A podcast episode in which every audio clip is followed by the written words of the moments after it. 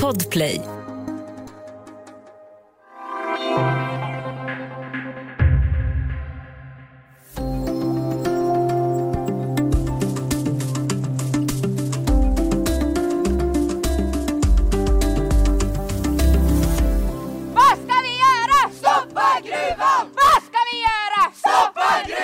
Ett brittiskt företag vill öppna järnmalmsgruva utanför Jokkmokk.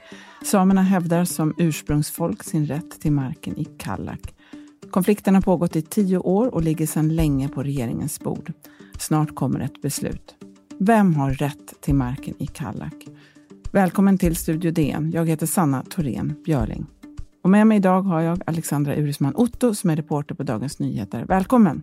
Tack så mycket. Du, vi börjar där. Var ligger Kallak någonstans? Det ligger utanför Jokkmokk. Eh, Det är där jag var här om veckan så, så befann jag mig mitt inne i skogen, ett skogsområde som också gränsar till, eh, till marker med, med riktigt gammal, eh, gammal skog som, som är väldigt ovanlig numera. Vi har varit där båda två nyligen för olika reportage. Kan du beskriva lite mer, hur ser det här området ut? Det, det var ganska svårt att, att se så mycket när vi var där. Det, det, var, det var ju mest liksom mycket träd och mycket snö, men det är ju eh, på, på sina håll då väldigt, då, som jag sa, orörd natur. Eh, och, och för, för de människor som, som, eh, som jag mötte där så är det också en väldigt viktig plats, inte minst för, då, för renskötsel och för förflyttningen av, av renarna under vissa delar av året.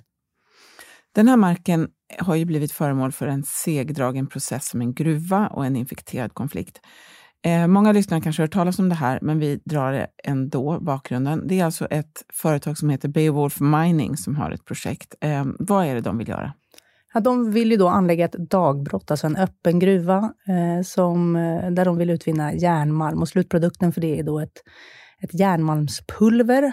Eh, I alla fall är det enligt eh, det som man har sagt hittills. Eh, det brukar ju ofta då sägas i, samman, i, de, i det här sammanhanget att det handlar om en del av den gröna omställningen. Eh, och det är väl viktigt att komma ihåg att, att när man pratar om gruv, gruvornas roll i den gröna omställningen så brukar det egentligen då handla om de här kritiska jordartsmetallerna, eller särskilda jordartsmetallerna, som, som är viktiga till exempel i elbilsbatterier eller i vindkraftverk. Eh, och I det här fallet så handlar det ju då inte om sådana, utan det handlar om, om järnmalm. Och järnmalm finns, eh, finns det andra fyndigheter också på andra platser, så det, det är en viktig sak att ha med sig.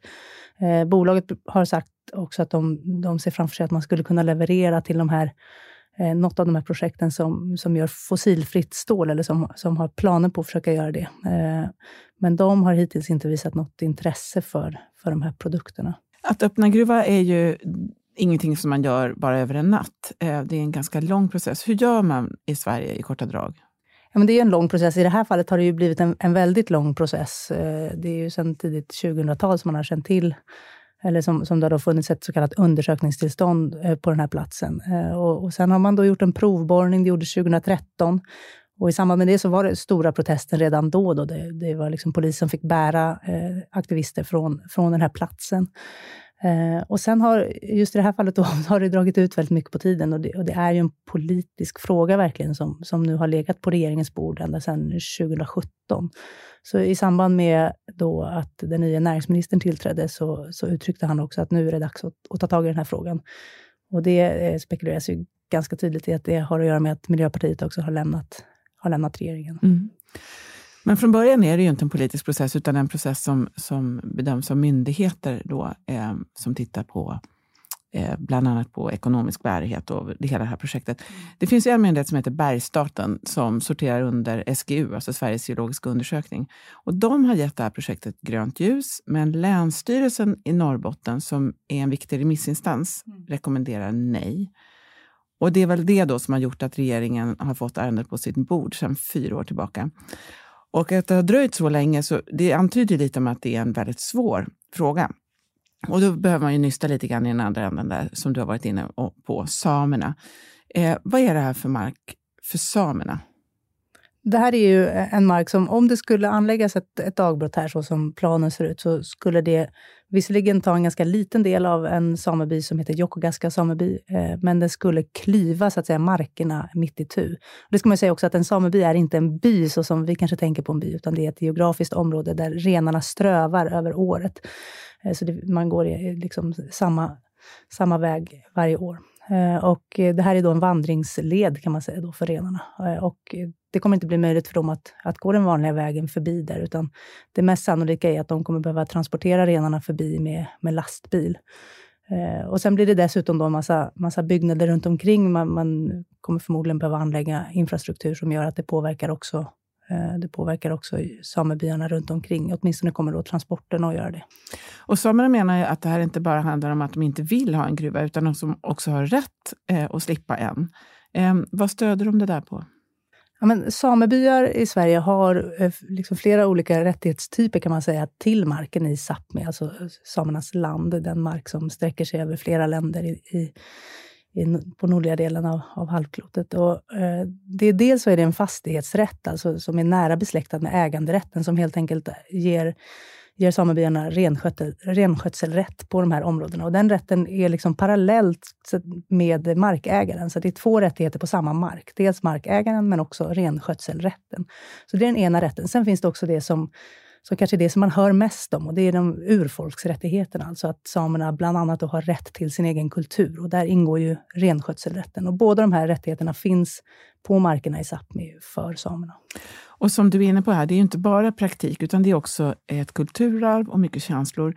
Vi ska höra vad Julia Rensberg vid det Samiska ungdomsförbundet sa till dig. Ett ja till en gruva i Gallok är ju ett steg, egentligen ett sätt för Sverige att säga nej till renskötseln. är eh, i hela Sápmi, hela svenska Sápmi. Vad berättade de samer som du träffade där uppe? Många, många såg det här som, som ytterligare ett intrång i, i de marker som, som man behöver för att kunna ha, fortsätta med den här kulturen som, Eh, Eh, som ju också eh, rättigheterna ger. Ehm, och det ska jag säga då att de här rättigheterna är ju erkända, men de finns då inte med i den svenska minerallagstiftningen. Vi kanske återkommer till det, men, men det är viktigt att ha med sig att det, det, är erkända rättigheter som vi inte har tagit med i vår egen lagstiftning. Men människorna jag mötte där, och det var ju många ungdomar som just talade om att de har ju hört sina föräldrar och far och morföräldrar berätta om, om liknande saker under, under hela sina uppväxter. Och det här är som en fortsättning, en fortsättning på det. Och de forskare jag har pratat med, de, de bekräftar ju också att det, det finns, det finns liksom effekter från väldigt många olika håll. Det handlar inte bara om gruvnäring, utan om skogsnäring, om också på senare tid vindkraftverk, till exempel, infrastruktur av olika slag och vattenkraften. Eh, och allting samverkar då till att ja, markerna både krymper och blir, blir svårare och svårare att, eh, att bedriva den här renskötseln och kulturen i allmänhet mm. på. Det är verkligen en lång historia som lite grann ställs på sin spets här. Mm. Vi ska ta en liten kort paus och så ska vi prata mer om regeringens beslut om Kallak.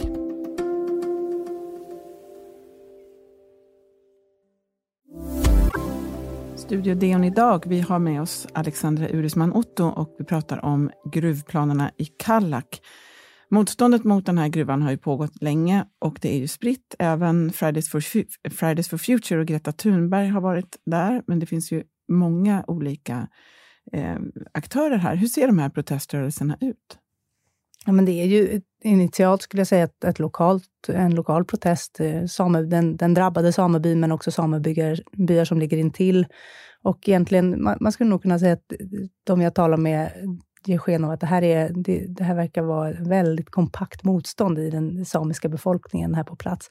Men sen har det ju blivit då, som du, som du nämnde, det har blivit internationellt det här. Det har ju då skrivits eh, en protestlista som lämnades över till regeringen i förra veckan och, och där det var över 70 000 namn på den listan och många av dem kom också utomlands ifrån. Jag tror att ungefär 20 000 kom från utlandet och alla världsdelar var representerade. Är det mycket ursprungsbefolkningar då? Eller är det... Jag har inte, det är nog svårt att bryta ner listan så, men, men jag, jag har absolut sett den typen av engagemang eh, på sociala medier och så. så det, det, tror jag att där finns det ju också en, en liksom, länkar däremellan eh, och gemensam, gemensam aktivism. Men, men motståndet är starkt och från klimatrörelsens sida så eh, det de säger är att det här allt det här hänger ihop. Man löser inte klimatkrisen genom att befästa den här typen av strukturer, genom att, eh, genom att frånta urbefolkningen deras rättigheter, utan eh, det måste ske på ett annat sätt. Mm. Ett nej är ett nej, som de har sagt upprepade mm. gånger.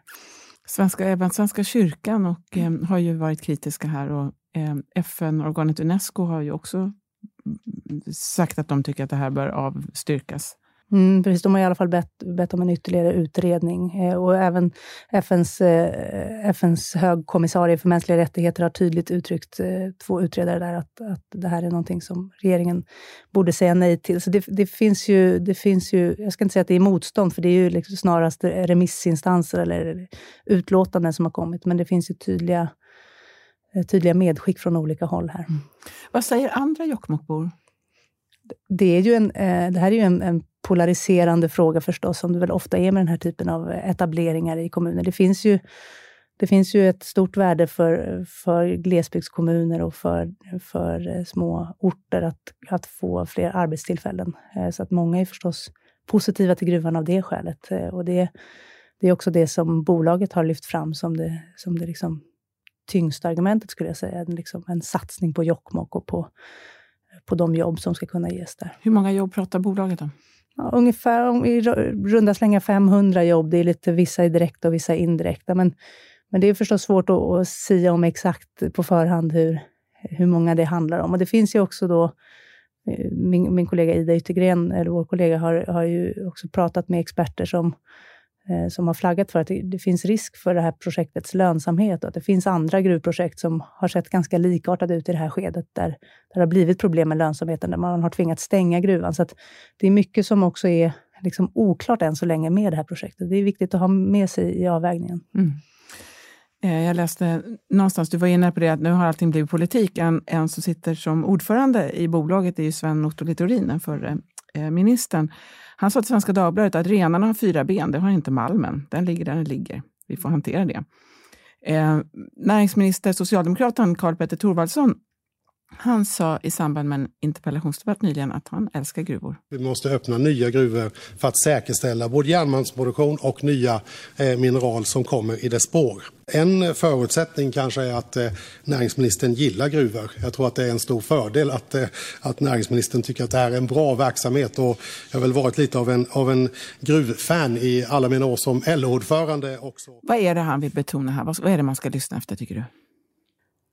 Att det är väl, ibland kan det nog uppfattas lite som en sammanblandning, det här med järnmalm och de här kritiska mineralerna. För det är två ändå olika saker, får man säga. Givetvis behövs det också järn för att tillverka eh, saker som, som krävs för omställningen. Men men det är inte kritiskt och, och, som du var inne på det här med att, att renarna har fyra ben. Eh, ja, eh, samtidigt så finns det järnmalm också på andra håll. Det är eh, flera järnmalms eller eh, malmgeologforskare som jag pratat med som, som pekar på att det finns eh, fyndigheter som kanske har större potential på andra platser som kanske inte heller skulle ha riktigt lika stor inverkan på på de här lokala samebyarna. Så att, eh, jag tror att ibland så blir det eh, så att man drar alla gruvor över en kam lite grann. Eh, det blir en annan diskussion när man pratar om kritiska jordartsmetaller som ju de facto är helt avgörande om man ska kunna tillverka fler batterier till exempel.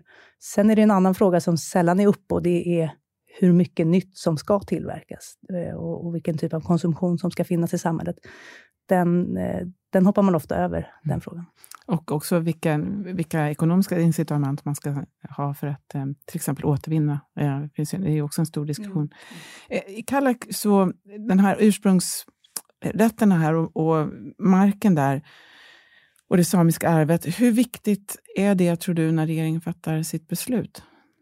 Det är väldigt svårt att säga om. Regeringen har ju varit ganska tystlåten får man säga om beslutet i sig och vill inte ens berätta när det ska komma. Eh, men, men det ska ju så att säga, det finns ju erkända rättigheter som man ska ta i beaktande när man fattar de här besluten. Men eftersom de inte finns inkluderade i den svenska lagstiftningen så blir, enligt de forskare jag har pratat med, blir de här processerna ofta helt enkelt orättvisa.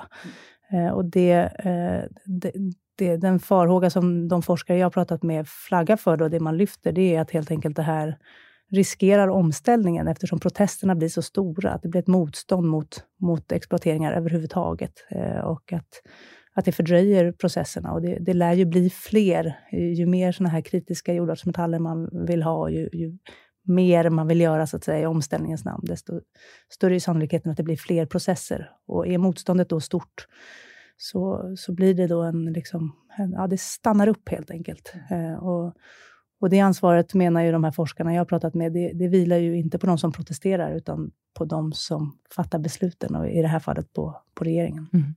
Så om vi spekulerar lite grann, vad tror du eh, händer om regeringen säger nej? Ja, det är omöjligt att spekulera, tycker jag.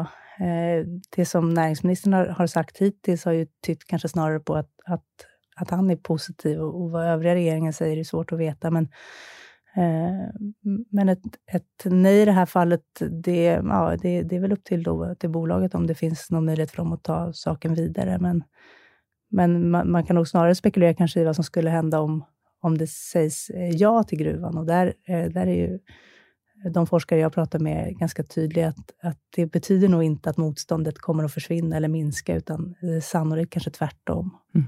Vi ska höra vad Maxida Märak, artisten som också har samiskt ursprung, sa om den saken. Om regeringen fattar ja till gruva i Gallok så kommer det bli kaos.